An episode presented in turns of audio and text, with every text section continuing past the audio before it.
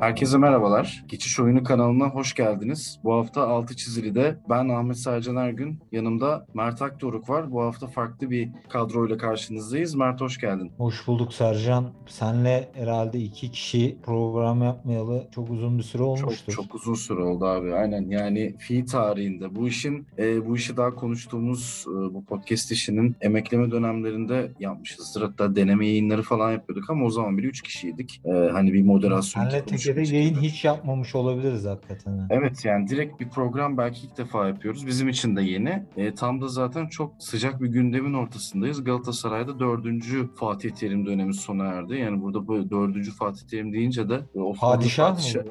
Evet Osmanlı padişahı gibi oluyor. E, ama hakikaten e, yani Galatasaray tarihine son Galatasaray tarihinin son 30 yılına damgasını vurmuş bir teknik adam Gün Aile Sevabı dördüncü dönemi sona erdi. Arkasından zaten Florya'dan birçok e, yardımcılarından başlayarak e, çevresinde yer alan ve ona yakın isimlerin hepsinde ayrıldığı, yolların ayrıldığını gördük. E, aslına bakarsan Mert, ya seninle yayından önce de biraz konuştuğumuz gibi bu işin aslında biraz başlangıcına yani yaz aylarına, e, seçim dönemini, ilkbaharı yani seçim dönemini start aldığı, kampanyaların e, start aldığı, Brock Elmas'ın, Eşref Amamcıoğlu'nun birbirine rakip olduğu dönemleri aslında ben biraz gitmek istiyorum. O dönemi çok yakından de takip etmiş ve bu konulara kafa yoran biri olarak sen bu geldiğimiz noktada ya oradan başlayarak aslında başkanlık seçimine itibaren e, başladığımızda o şekilde düşündüğümüzde e, ya sence nasıl bu noktaya geldi Galatasaray? Ya şimdi dün Giresun maçından sonra Fatih Terim demişti ki ben bir tünel var ve bu tünelin ucundaki ışığı görüyorum demişti. Takımın durumuyla ilgili bu hani gençlik aşısıdır. işte yeni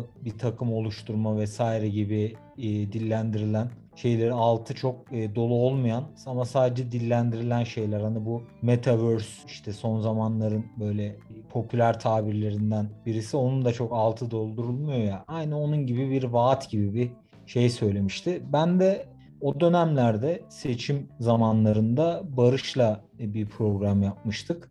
E, ben de e, Fatih Terim'le çalışan hiçbir başkanın bu zamana kadar kendi adına e, tünelin ucundaki ışığı çok parlak görmediğini söylemiştim. E, Fatih Terim şöyle olmuştu tabii seçim dönemi ikiye ayrılmıştı neredeyse adaylar. E, tabii ki muhakkak e, kendi kadrolarını kurarken çok uğraşmışlardır. E, farklı tipte projeleri vardır ekonomik anlamda e, ya da amatör branşlara dair görüşleri vardır. Ama günün sonunda Galatasaray dendiğinde ilk akla gelen şey futbol takımının başarısı olacak.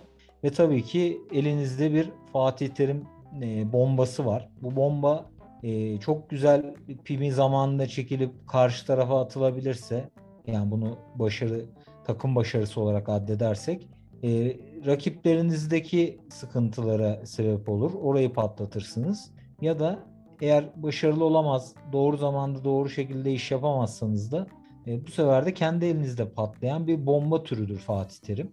E, tabii 90'ların sonu 2000'lerin başında yakalanan müthiş başarı 2008'de milli takımla taşlanan bir süreç sonrası e, dünyada futbol farklı yerlere gitmeye başladı, evrilmeye başladı. Ee, özellikle Guardiola ile birlikte yakalanan daha büyük bir değişiklik söz konusu. Bu tabii ki hani insanlar bunu yok abi yok o Cruyff'tu falan diyeceklerdir ama e, yani bir devrimi başlatanla bir geliştiren arasında da mutlaka fark var. Guardiola da bunu geliştirdi. E, ondan sonrası Klopp'un e, geçiş oyunu ve gegenpresi vesairesi bunlar tüm e, teknik adamları etkiledi. Buna ayak uyduranlar oldu, taklit etmeye çalışanlar oldu, elindeki kadroyu uydurmaya çalışanlar oldu, zorlama yapanlar oldu, iyi yapanlar oldu. E, ama işin sonunda dön dolaş bu iş mutlaka kendi geliştirmeye bak bakacaktı.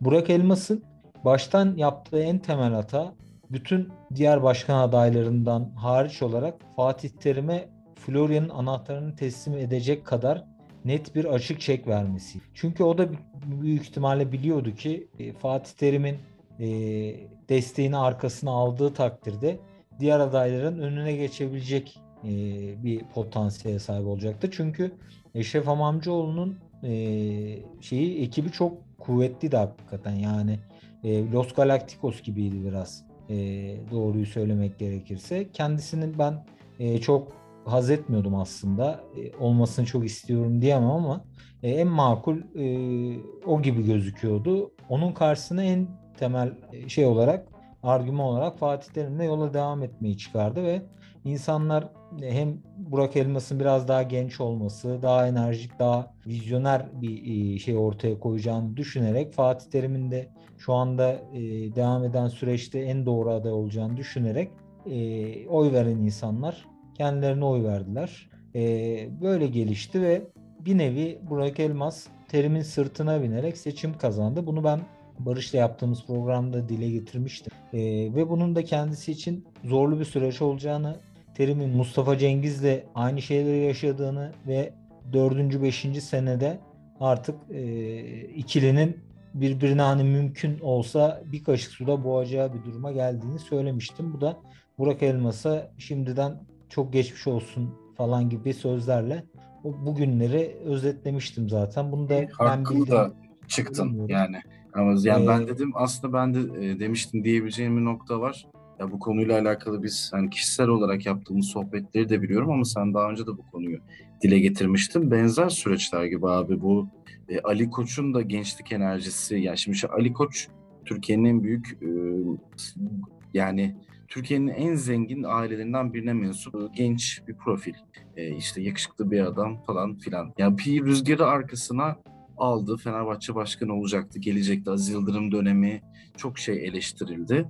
Artısıyla eksisiyle sona erdi. Bir rüzgarla geldi ve geldiğinden beri Fenerbahçe aslında birkaç yıldır devam eden sportif başarısızlığı futbol şubesine devam ettiriyor ve bu döngüden de kolay kolay çıkabilecek gibi değiller. Çok kolay çıkacağı düşünüldü.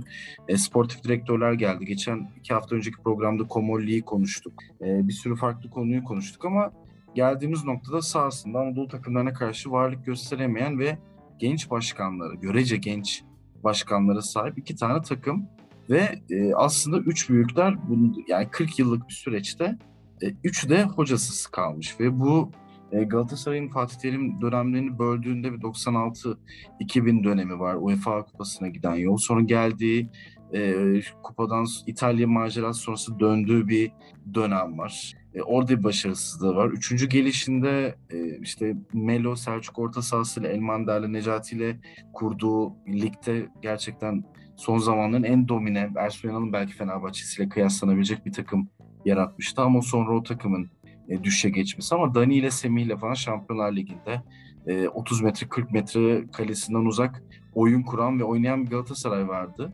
Ya Mert ben abi aslında baktığım zaman sportif başarısızlıktan ziyade Galatasaray son terim döneminde şampiyonluk döneminde dahil pandemi hatta pandemi öncesi bu verilen zorunlu aradan sonraki dönemde hiçbir şey oynamadı. Oyun namına Galatasaray en azından hadi iki, üç buçuk yıl demeyelim iki yıldır Galatasaray sahada çok çok küçük kıvılcımlar dışında belki bir maçı bile tamamen iyi oynamadı ve bu e, sonuçta teknik adama yazar. Yani bu kadro yönetim birçok şeyle bahsedebiliriz.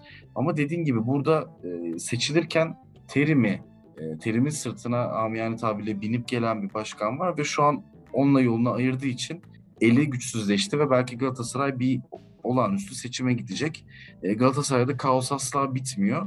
E, baktığın zaman... Ama bir de şöyle bir şey var. Şimdi yönetimden devam edersek e, terime e, de gel, geliriz daha sonra istersen. Şimdi e, yönetim sadece e, terimin sırtına binme hatasını da yapmadı bence. Şöyle ki e, son özellikle son birkaç aydır kötü gidişat e, Avrupa hariç kötü gidişat başladığında birbiriyle uyumsuz bir ekip olduklarını da gösterdiler aslında. Rezan Özdemir'le başlayan e, daha sonra işte e, Ahu Özyurt'la devam eden vesaire bir sürü e, istifalar silsilesi oluşmaya başladı.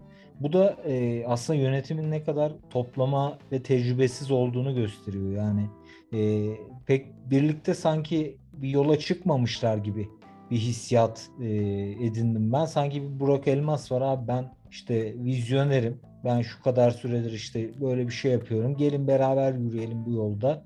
De, deyip de sanki uzun bir süredir başkanlığa e, soyunmamış gibi bir hali var. Bir anda böyle farklı bir duruma geçti Galatasaray yönetimi ve e, aynı zamanda hani vaatleri de e, sürekli bir bu futbol takımının proje uzun vadeli diyerek sürekli söylediğini bu istifa şey, Fatih Terim gönderilmesiyle birlikte yutması e, önce Fatih Terim'e sonsuza kadar deyip ardından e, 13 sene istemesi ki bu 3 sene istemesi çok saçmaydı zaten.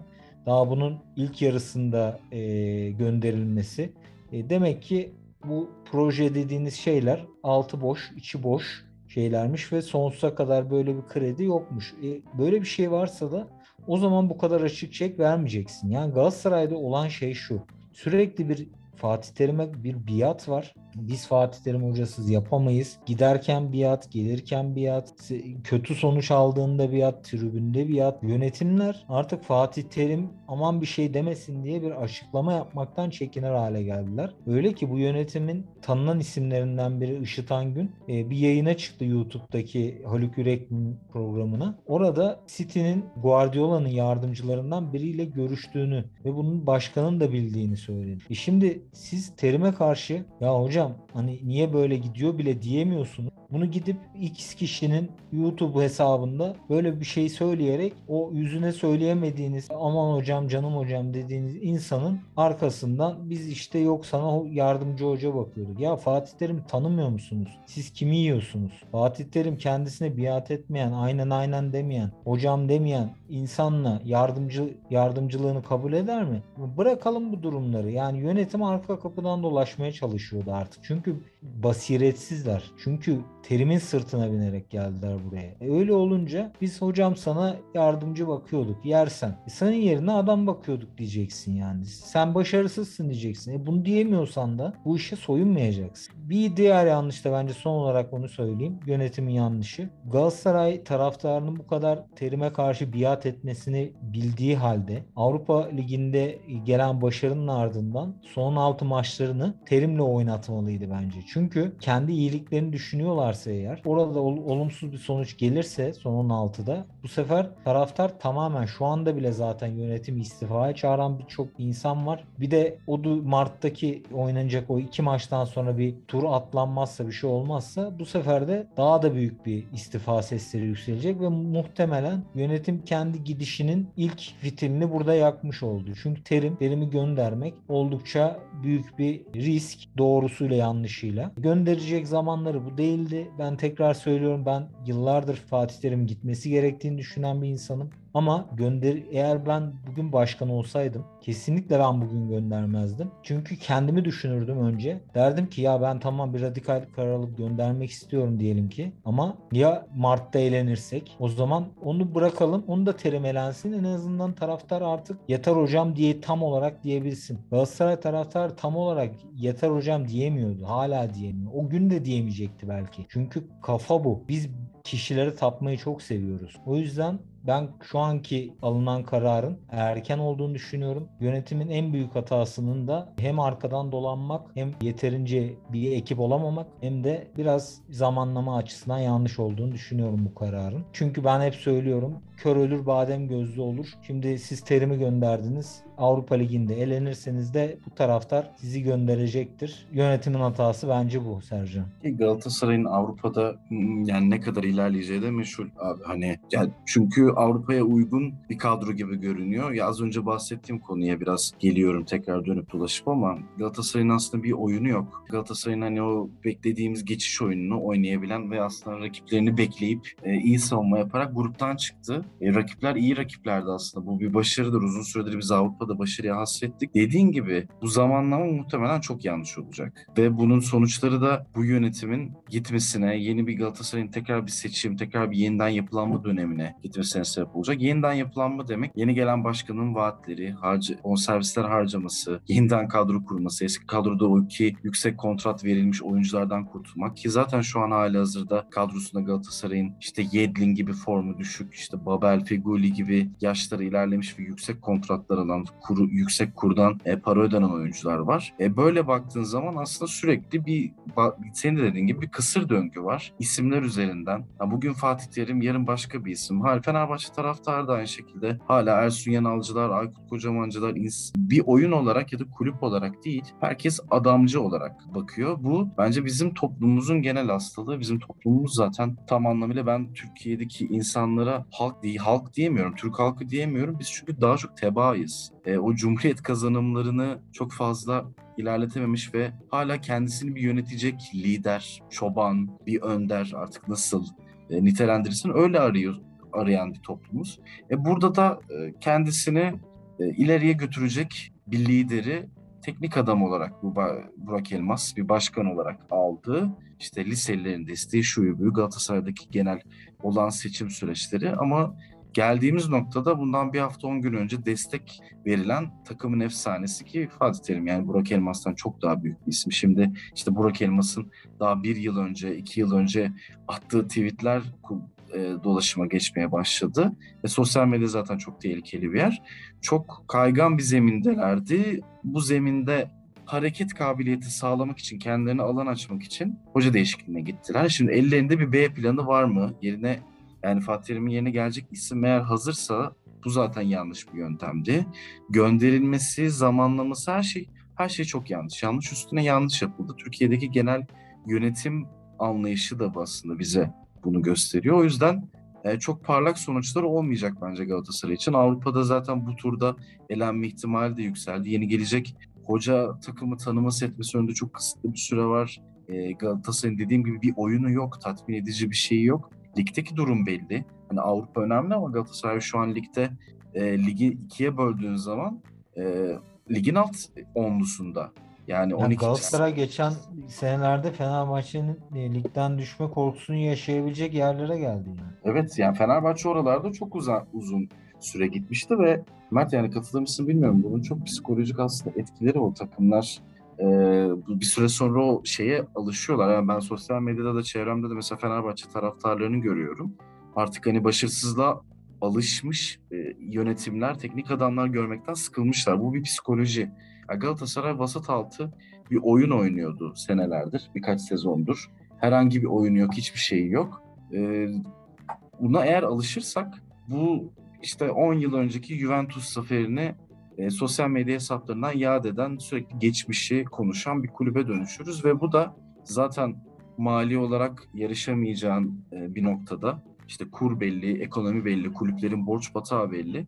Yönetimler değişecek, teknik adamlar değişecek, her sene yapılanma olacak. Ülkede Milli Eğitim Bakanlarının gelip bir önceki Milli Eğitim Bakanı'nın e, yarattığı eğitim sistemini yok ederek tekrardan başka bir eğitim sistemi kurması gibi e, biz hep aynı filmleri izleyeceğiz herhalde. Benim yani çok fazla bu durumları, yani bunları görünce umudum kalmıyor ve ya, e. Burak, ya Burak Elmas kendi ayağına herhalde sıktı Mert ya. Bundan sonrası bu yönetim için tepe taklak aşağı gitmek. Ya bir de ya yapılan e, sağ içi yanlışlarından biri de şu yönetimin yaptığı bir yanlış yine bu tabi. E, şimdi tabi e, Fatih Terim'i özellikle bu yapılanmanın başına getirildiği gibi bir algı yaratıldığı için hani bir yeni bir model deniyoruz. Biz artık futbolcuların bonservisine para vereceğiz, maaşına para vermeyeceğiz. Bunları geliştirip satacağız. Şimdi bu motto ile yola çıkıyorsan eğer e, yönetim olarak sen e, sürekli e, oyuncu geliştirmek yerine transferle gelişmeyi deneyen bir hocaya bu takım bırakırsan bu iş olmaz. Yani helikopter pilotuna hayatında hiç uçak sürmemişse uçak emanet edemezsin içinde 300 tane yolcu taşıyan bir uçağı. Yani terim son dönemlerinde tamamen bu olmadı yenisini getirin. Yok bir yenisini getirdim ben getirdim ama yok ya beğenmedim. İşte onu da göndereyim. Başkasını getiririm. Bunun da daha bir tane. bunun da bir daha iyisi daha olsun. Ya sürekli olarak işte yaz aylarında kadro kuruluyor. Sürekli yok Ocak, yok Haziran. İşte yok bu Ocak, takım yok Haziran. bu takım yeni işte sezonu açtı, erken açtı, geç açtı. Bu takım şu an sonuçları alsın, oynamasın, oyun beklentinin olmasın. Ağustos geçti, Eylül geçti. Ekim takım biraz ritim kazandı. Yok sakatlıklar, işte Covid, e, hocanın ceza alması, bir iki tartışmalı maç, hakem hatası. Kasım gibi devre arasını işaret etme. Aynı döngünün içindeydik zaten biz. Yani e, aldırdığı oyuncuların zaten %90'ının performansı düşüyor aşağı yukarı. Yani iyi geliyor adam. Aa diyoruz ne güzel oyuncu almışız. Bakıyorsun 2-3 ay sonra adam yok ve sosyal medyada şöyle muhabbetler dönüyor. Abi bu çöpmüş zaten. İşte bu çok kötü. Ya abi aynı adamı Hoca sildiyse bir bildiği vardır. Ya üç ay önce övüyordun. Mustafa Muhammed çok iyi diyordun. Yedlin gibi oyuncuları beğenmiyor hoca. Ya işte diyorlar ki Yedlin de çok kötüymüş abi. E kim aldırdı abi? Ben mi aldırdım Yedlin'i? Yani a, Van Aanholt geliyor. Adama 1.7, 1.9 mu ne öyle bir maaş bağlıyorsun. E, sonra savunamıyor. E, savun, bu adamın çok iyi savunmacı olmadığını zaten biz biliyorduk yani. Biz oturduğumuz yerden televizyon başından bildiğimiz şeyleri Fatih Terim bilmiyor muydu? Ya ben bunu anlamıyorum. Bir tek Markao örneği var iyi örnek olarak. Belki bir, bir tık da Kerem örneği var. O kadar yani. Bunun haricinde Fatih Terim'in elinin değdiği ve başarıya doğru pozitif anlamda ilerleyen bir oyuncu var mı? Bence yok. Markao ilk geldiğinde de ben daha ilk maçıydı galiba Ankara gücü maçıydı yanlış hatırlamıyorsam. Deplasmanda aa demiştim ne kadar iyi oyuncu falan. Yani o da geldiğinde iyi bir oyuncuydu. Yani tamam hani haksızlık etmeyeyim. Tamam bir iki tane oyuncu iyi. E diğerleri ne oldu? Yani eğer bir insan e, böyle bir motto ile yola çıkıyorsa ben bundan sonra e, yüksek bonservisi alıp parlatıp satacağım. O zaman bunun doğru ismi Fatih Terim değil. Buna böyle e, çok daha hani Alman hocalar vardı böyle sürekli oyuncu geliştirip satmaya çalışır ya da Portekiz takımları yapardı bunu eski. Şu anda Lisbon devam ettirmeye çalışıyor, Benfica devam ettirmeye çalışıyor. Porto biraz o ayarı kaydırdı ama onlar da bir ekoldür İşte bu, sonuçta. bu bir bu bir iş modeli ya Mert. Bir, abi günün sonunda baktığında o kulüplerde mesela bakıyorsun kulübün e, altyapısından çıkıp müthiş bir kariyer yapmış bir adam başkanlığına geliyor. Yani Bayern Münih falan uç örnekler. Ama işte Rui Costa'yı e, gidiyorsun sen Benfica'da görüyorsun. Porto'nun hocası, eski oyuncusu ve belli bir e, aslında iş modeli var. Yani kendi bünyesinden çıkardığı ve tecrübe kazandırıp tekrar kulübün idari ve sportif birimlerinde e, yer verilen yani iş verilen, görev verilen kişiler bu takımları geliştiriyor. Zaten fiziksel olarak farklı bir altyapı sistemi kuruluyor dediğin gibi oyuncuları yani ligdeki bir takımdan 2 milyon alıp onu parlatıp 20 milyona satıp zaten hali hazırda oyuncunun alternatifini belirleyip hareket ediyorsun. Ama ben mesela Galatasaray'a baktığımda herhangi bir kadro planlaması görmüyorum. Biz e, pandemi dönemi sonrası stoper krizi yaşadığında Galatasaray Emin Bayram çıktı. Bir iki maç oynadı. Ne kadar başarılı olur olmaz yani tartışma konusu ama bu takımın e, bence Luyendama'dan Luyendama yerine hem Türk bir oyuncu olduğu için kontenjan olarak e, yedek stoper olabilirdi. Barış Alper çok ham bir oyuncu. Barış Alper'i kadroda tutup sen e, alt ligde pişmiş e, Yunus Akgün'ü gönderiyorsun ve Yunus'u şu an 2 milyon adına- euro bonservis verdiler Barış Alper'e. Evet Çok ya fazla. ve Barış Alper yani ne kanıtlamıştı? Keçiören gücünde ne yapmıştı ki Barış Alper? Tabii ki alt ligden oyuncu alınır. Kerem Aktürkoğlu çok iyi bir örnek. Erzincan'da ya neredeyse futbolu bırakacakken Erzincan'dan buralara milli takımın as oyuncusu olmaya kadar giden bir süreç.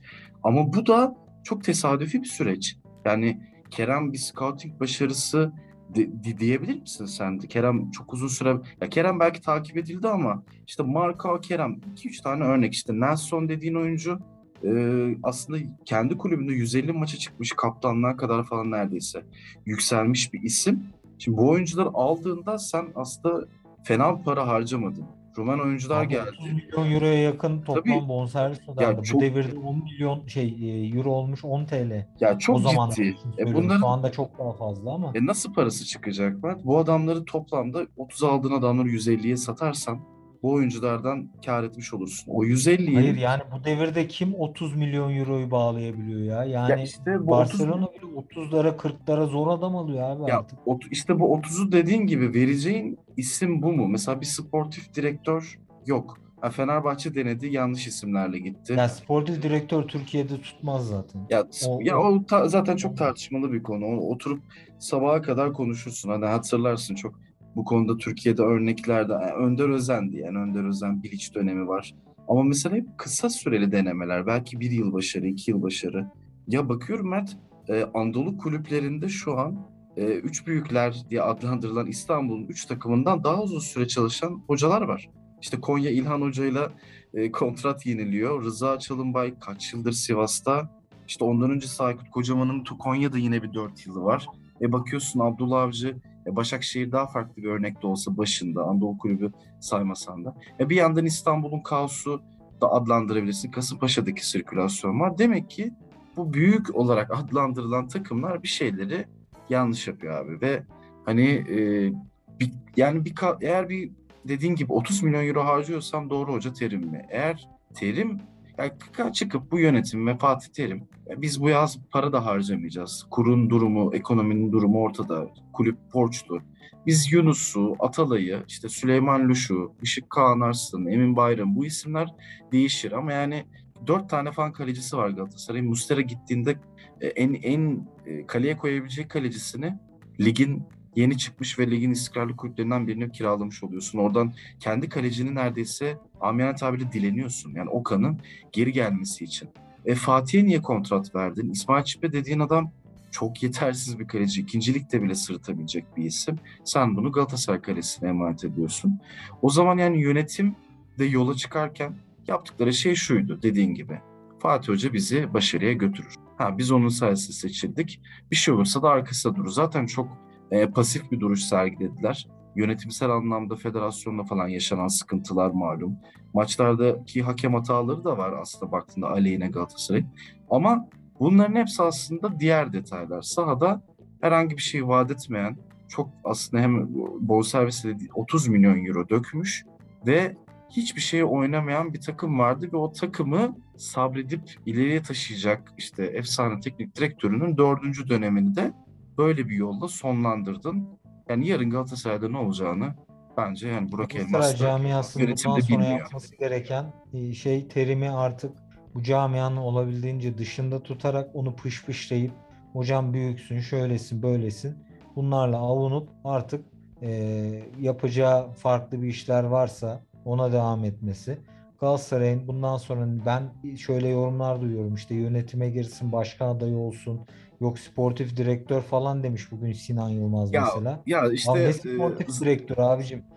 Onun altındaki adam çalışabilir mi ya Fatih yani Terim? Şöyle olacak. E, Fatih Terim sportif direktörü olduğunda gölge teknik adam gibi olur. Muhtemelen sadece ya Hamza Hamza gibi adamlar gelir Tabii. abi. Hamza ile hocalık mı olur Hamza? Hamza yani, hocalık mı? İşte Hamza Hamzoğlu değil. Yani dediğin gibi böyle bir şey olacak. Üç maç tökezlediği anda sportif direktörlükten tribünden tekrar e, sağ kenara tamam inecek. yani olmayacak bir şey. Bu adam zaten tüm başkanlarla sorun yaşayan, başarılıyken de sorun yaşayan, başarısızken de sorun yaşayan, egosu dağı aşmış, e, her türlü şey kendi geliş yeterince geliştirememiş e, maalesef bir insan.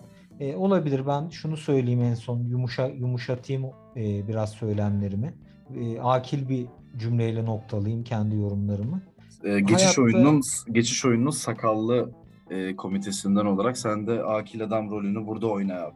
Yani şey e, hayatta farklı türde görevler vardır. E, farklı türde meslekler vardır. Bunların bazısı gençken verim verebilecek kapasitedir. Bazısı da yaşlı yaşlılığında daha çok verim verir. Mesela bir edebiyatçı 60'ında e, 70'inde çok daha iyi kitaplar yazabilir. Çünkü hayata dair çok daha fazla gelmiş e, görmüşlüğü vardır. Ama bir futbolcu 18 yaşından 35 yaşına kadar verim verebilir ortalama.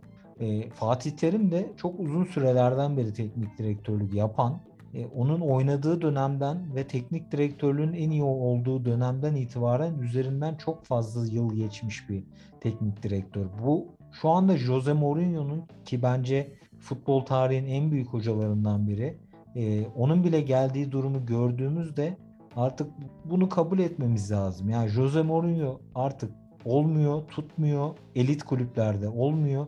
Fatih Terim de Galatasaray'da bu başarıları bu kadar biata, bu kadar e, her şeyi, bütün Florya'nın kapısının kilidine kadar adı, verdiğin adamın hala başarılı olamaması bu işi artık yeterince layıkıyla yapamadığını gösteriyor.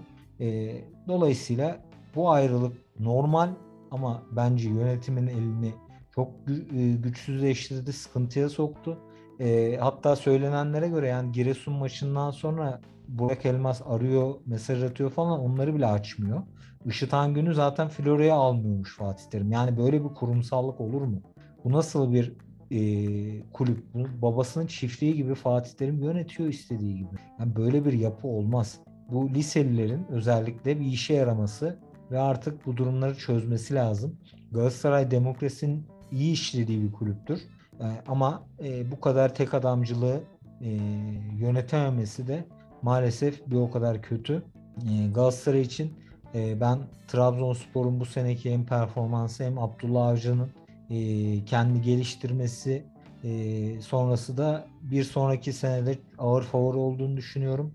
Ama Türk futbolunda neyin ne olduğu hiç belli olmuyor. E, ben bu, bu sene içinde Sergenli Beşiktaş'ın üstüne takviyelerin olacağı bir Beşiktaş'ın çok başarılı olacağını düşünüyordum. Hiç öyle olmadı ama Abdullah Avcı Sergen'e göre çok daha tecrübeli ve oturaklı, bilgili bir adam. Dolayısıyla buna izin vermeyecek bence. E, seneye de Trabzon e, kağıt üstünde ağır favori başlayacak. Galatasaray'da e, Türkiye Kupası bence tek şansıydı Avrupa'ya gidebilmek için. E, ligde çünkü ben Galatasaray'ın Avrupa'ya gidebilecek sıralamaya geleceğini düşünmüyorum. E, o yüzden seneye Galatasaray'ı Avrupa'da göremeyeceğiz. Sadece ligde göreceğiz. Ligde de ne kadar başarılı olacak bunu e, zaman gösterecek. Şimdiden yeni gelecek hoca kimse ona çok çok e, büyük başarılar diliyorum. Bu çok zor çünkü imkansız bir şey geliyor. 3 maç sonra e, tribünlerde Fatih Terim sesleri duyulabilir. E, Burak Elmas'a da şimdiden e, teşekkür etmek lazım. Ruhuna El Fatiha diyorum. Hem gelen hocaya hem de Burak Elmas'a şimdiden geçmiş olsun diyorum. Yani sıfır krediyle gelecek muhtemelen dediğin gibi. Hoca evet, da... Eksi, eksi 5 krediyle gelecek. Ağzıyla kuş tutup üst üste 5-6 maç kazanırsa UEFA'da da turu geçerse büyük ihtimalle e, o eksi karede artıya geçecek ama futbol günlük, saatlik, dakikalık, saniyelik bir şeye dönüştü burada. Giresunspor maçından saatler sonra Galatasaray'dan Fatih Terim gönderilince bir anda herkes e, herkes sosyal medyada çıldırdı. Nasıl gönderirsiniz hocamızı? Aynı insanlar 12 saat önce hocam bu nasıl takım diye tezahürat yapıyordu. Yapacak bir şey yok. Türk futbol ortamı çok toksik. E, zehirliyor. Fatih Terim de Galatasaray'ı zehirliyor. E, Türk futbol ortamı zehirli bir ortam. O yüzden istersen buradan daha güzel bir spora e, ama o sporda da e, yaşanan değişik bir olay var. Djokovic olayı. Bunu da senden dinlersek bence güzel bir geçiş olur. Yine de evet yani biz aslında birazcık daha farklı bir konuya geçelim. Onu da birazcık değinelim zaten. Yani Djokovic konusu çok zaten farklı bir konu. E, baktığın zaman Mert. E, ya süreç çok e, başka bir noktada başlıyor. Djokovic'in Covid geçirip, Covid geçirdiği Covid'le e, yaptırdığı testle alakalı olarak bayağı e, otoritelere yalan beyanatta bulunması, yanlış bilgi vermesi, işte e, ya, yan, yani bir test düzenliyor. O test sahte. E, bugün annesi babası çıkıyor ekran karşısına. Djokovic'in doktorlarından biri Djokovic'in işte tanrı genlerinden birine sahip olduğunu söylüyor. Annesi e, teniste yaşadı yani teniste yaşadığı başarılardan daha büyük başarı olduğunu söylüyor. Tam bir Balkan hikayesi aslında. E, Djokovic şu an dünyanın bir numarası en başarılı tenisçi. Federer dönemi yavaş yavaş sona erdi. İşte Nadal zaten o da yaş olarak, kariyer olarak sonlara gitti. Ya onun da dönemi kapanıyor gibi ama şu an Djokovic'in prime zamanı. Ya bu oyuncu Avustralya'ya gitti. İşte havalimanında ülkeye alınmadı. Hükümetler arası uluslararası bir krize yol açtı. Sonrasında işte şartlı olarak şu an turnuvaya kabul edildi ama işte gittiği basket maçında poz verdi oyuncu Covid pozitif çıkıyor. Kendisi Covid çıktığı halde test yaptırdığı e, Covid çıktığı halde ertesi gün etkinliklere gidiyor, hareket etmeye devam ediyor ki daha önce de Adriyatik turunda bir krize yol açmıştı. E, neresinden tutsan aslında elinde kalan bir konu. E, Djokovic şu an bayağı e, uluslararası bir krize yol açtı. Şimdi aslında baktım, başta Djokovic'e ayıp ediliyor gibi bir durum vardı. Yani e, ama sonrasında işte işler çok değişti. Aynen. Falan. Yok, Tam tersine gibi, döndü şu an iş galiba. Şu an zaten durum çok farklı. E, Djokovic zaten e, gerçekten şu an bir büyük krize yol açtı. Uluslararası bir krize yol açtı ve tenisin hani bu kadar değerli bir ismiyken e, şu an geldiği nokta kendisini getirdiği nokta çok komik. Yani diyecek çok fazla bir şey yok ama burada şöyle de bir şey var. Şimdi erkek tenisçilerin daha fazla e, kayırıldığı bir ortam var ve Djokovic de bu programın yani bu e, sistemin aslında en değerli parçalarından biri. Çok medyatik bir isim işte yaptığı taklitlerle, başarılarıyla e, sonuçta baktığın zaman günün sonunda kendini yani getirdiği durum çok komik yani diyecek insan çok fazla e, bir şey bulamıyor. Ya ortada da bir şey var. E, aslında çifte standart var. e, baktığın zaman şimdi Sinovac aşısını yani olan Rus tenisçiyi almadı e, Avustralya açık ve şey için. E, burada Covid protokollerine uymadığı için. Ama aynı protokolleri ezip geçmekle kalmayıp e, yalan beyanatta bulunan ama dünyanın işte bir numarası olan e, erkek tenisçi krizlere yol açtığı halde bu turnuvada sahaya çıkacak. Şimdi karşısındaki rakipler ne düşünecek, dünya kamuoyu ne düşünecek ki e, şeyi biliyorsun e, bu Çinli tenisçi taciz skandalıyla alakalı Peng Shuai şu anda Çin hükümeti tarafından nerede olduğu belli değil. Ee, bir telekonferans görüşmesi yaptı. iyi olduğunu söyledi ama nasıl bir baskı altında?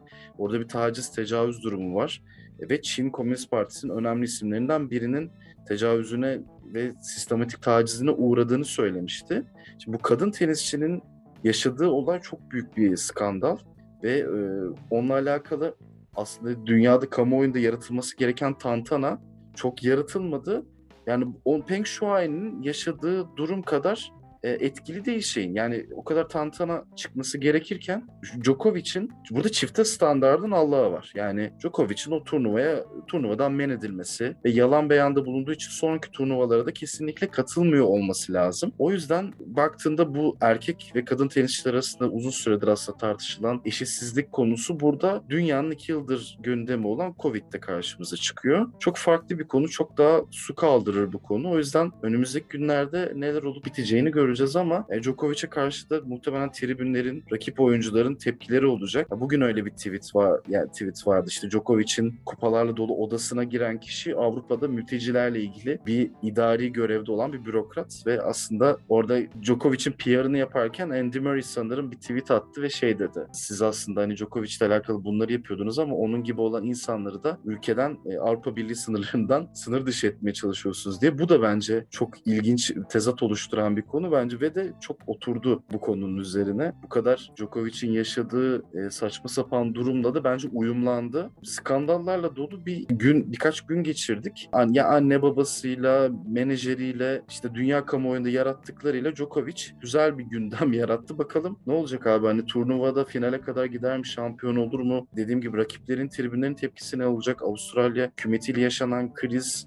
sonraki turnuvalarda nasıl teamüller gerçekleşecek? Hepsini yaşayıp göreceğiz. Tenis tenis dünyası da oldukça karışık. Senden aldığımız haberlere göre. Ben biliyorsun biraz tenise yakın bir insan değilim çok fazla. Ya sen birazcık daha tabii kadın voleybolu tarafında. Kadın voleybolcu kardeşim. Evet. Yani. İnşallah onları Seviyorum. tekrar. Ya sen o konuda ciddi ciddi teknik bilgin de var. Yani bunları zaten başka programlarda hep dile getirdin, dinledik. Bizi dinleyenler de biliyor senin bu konudaki aslında bilgilerini. Ya bu tenis de aslında benim eski yıllarda açık kanallardayken çok izlediğim bir spordu. Son dönemde eskisi kadar izleyebildiğimi söylemek zor. Ama burada işte işin bir de politik tarafı olduğu için bir yandan da ilgi çekici bir nokta. Federerci ee, olarak artık Djokovic'e bilinç kampanyası düzenlemeniz lazım bence Federer'e. Abi zaten hashtaglerimizle falan bitireceğiz onu. Twitter bunun için var. Djokovic'i Sırbistan'da neredeyse Messi ilan ediyorlar. Sizin Tabii. de artık federerciler olarak bu duruma bir müdahale etmeniz lazım bence. Yani burada yani biliyorsun bizim asıl Messi'miz Düzce'de yılbaşını kutluyor. Djokovic de herhalde orada Avustralya açıkta korta, toprak korta herhalde gökyüzünden kanatlarla falan inecek ki ben zaten menajeri falan olsam iyice artık bu işi şaklabanlığa vardırıp böyle sandalla evlenen Karadenizli çiftler gibi onu sahaya indirirdim. Çünkü gerçekten bu iş artık komedi. Djokovic'in bu süreci bence bir ders olacak ve Dünya Tenis Birliği, bu federasyon BTA, işte kadın birlikleri hepsinin bence ortak bir tepki gösterip bu çifte standardı bir şekilde son vermesi gerekiyor. Abi ağzına sağlık. Gündemi değerlendirdik. Senin de ağzına sağlık Sercan'cığım. Biz burada noktalıyoruz altı çiziliği. Haftanın altını çizdiğimiz konuların buradan Mustafa Koç'a geçmiş olsun da diyelim bir rahatsızlığı olduğu için burada kademesine girdi yine Mert sağ olsun. Ben bu hafta programda olacaktım. Biraz moderasyon pozisyonuna geçtim gibi oldu. Aslında kayarak girdik kademe. Yani ben sağ bekten stopere doğru kayarken sen de sağ stoperden sol stopere kaydın. Ya biz sürekli olarak sağ içinde 45'te 3 değişiklik yapan hocalar gibi olduk 5 değişikliğin verdiği güçle. Hakikaten öyle bir şey oldu. Sliding tackle'la geldik yani şampiyon şampiyonluk kutlamalarında kendi kızının ayağından topu alan Vincent Company gibi burada müdahaleyi yaptık. Abi tekrardan ağzına sağlık. Altı çiziliği biz e, burada noktalıyoruz. E, haftaya yeni konularla e, görüşmek üzere. E, hoşçakalın. Hoşçakalın.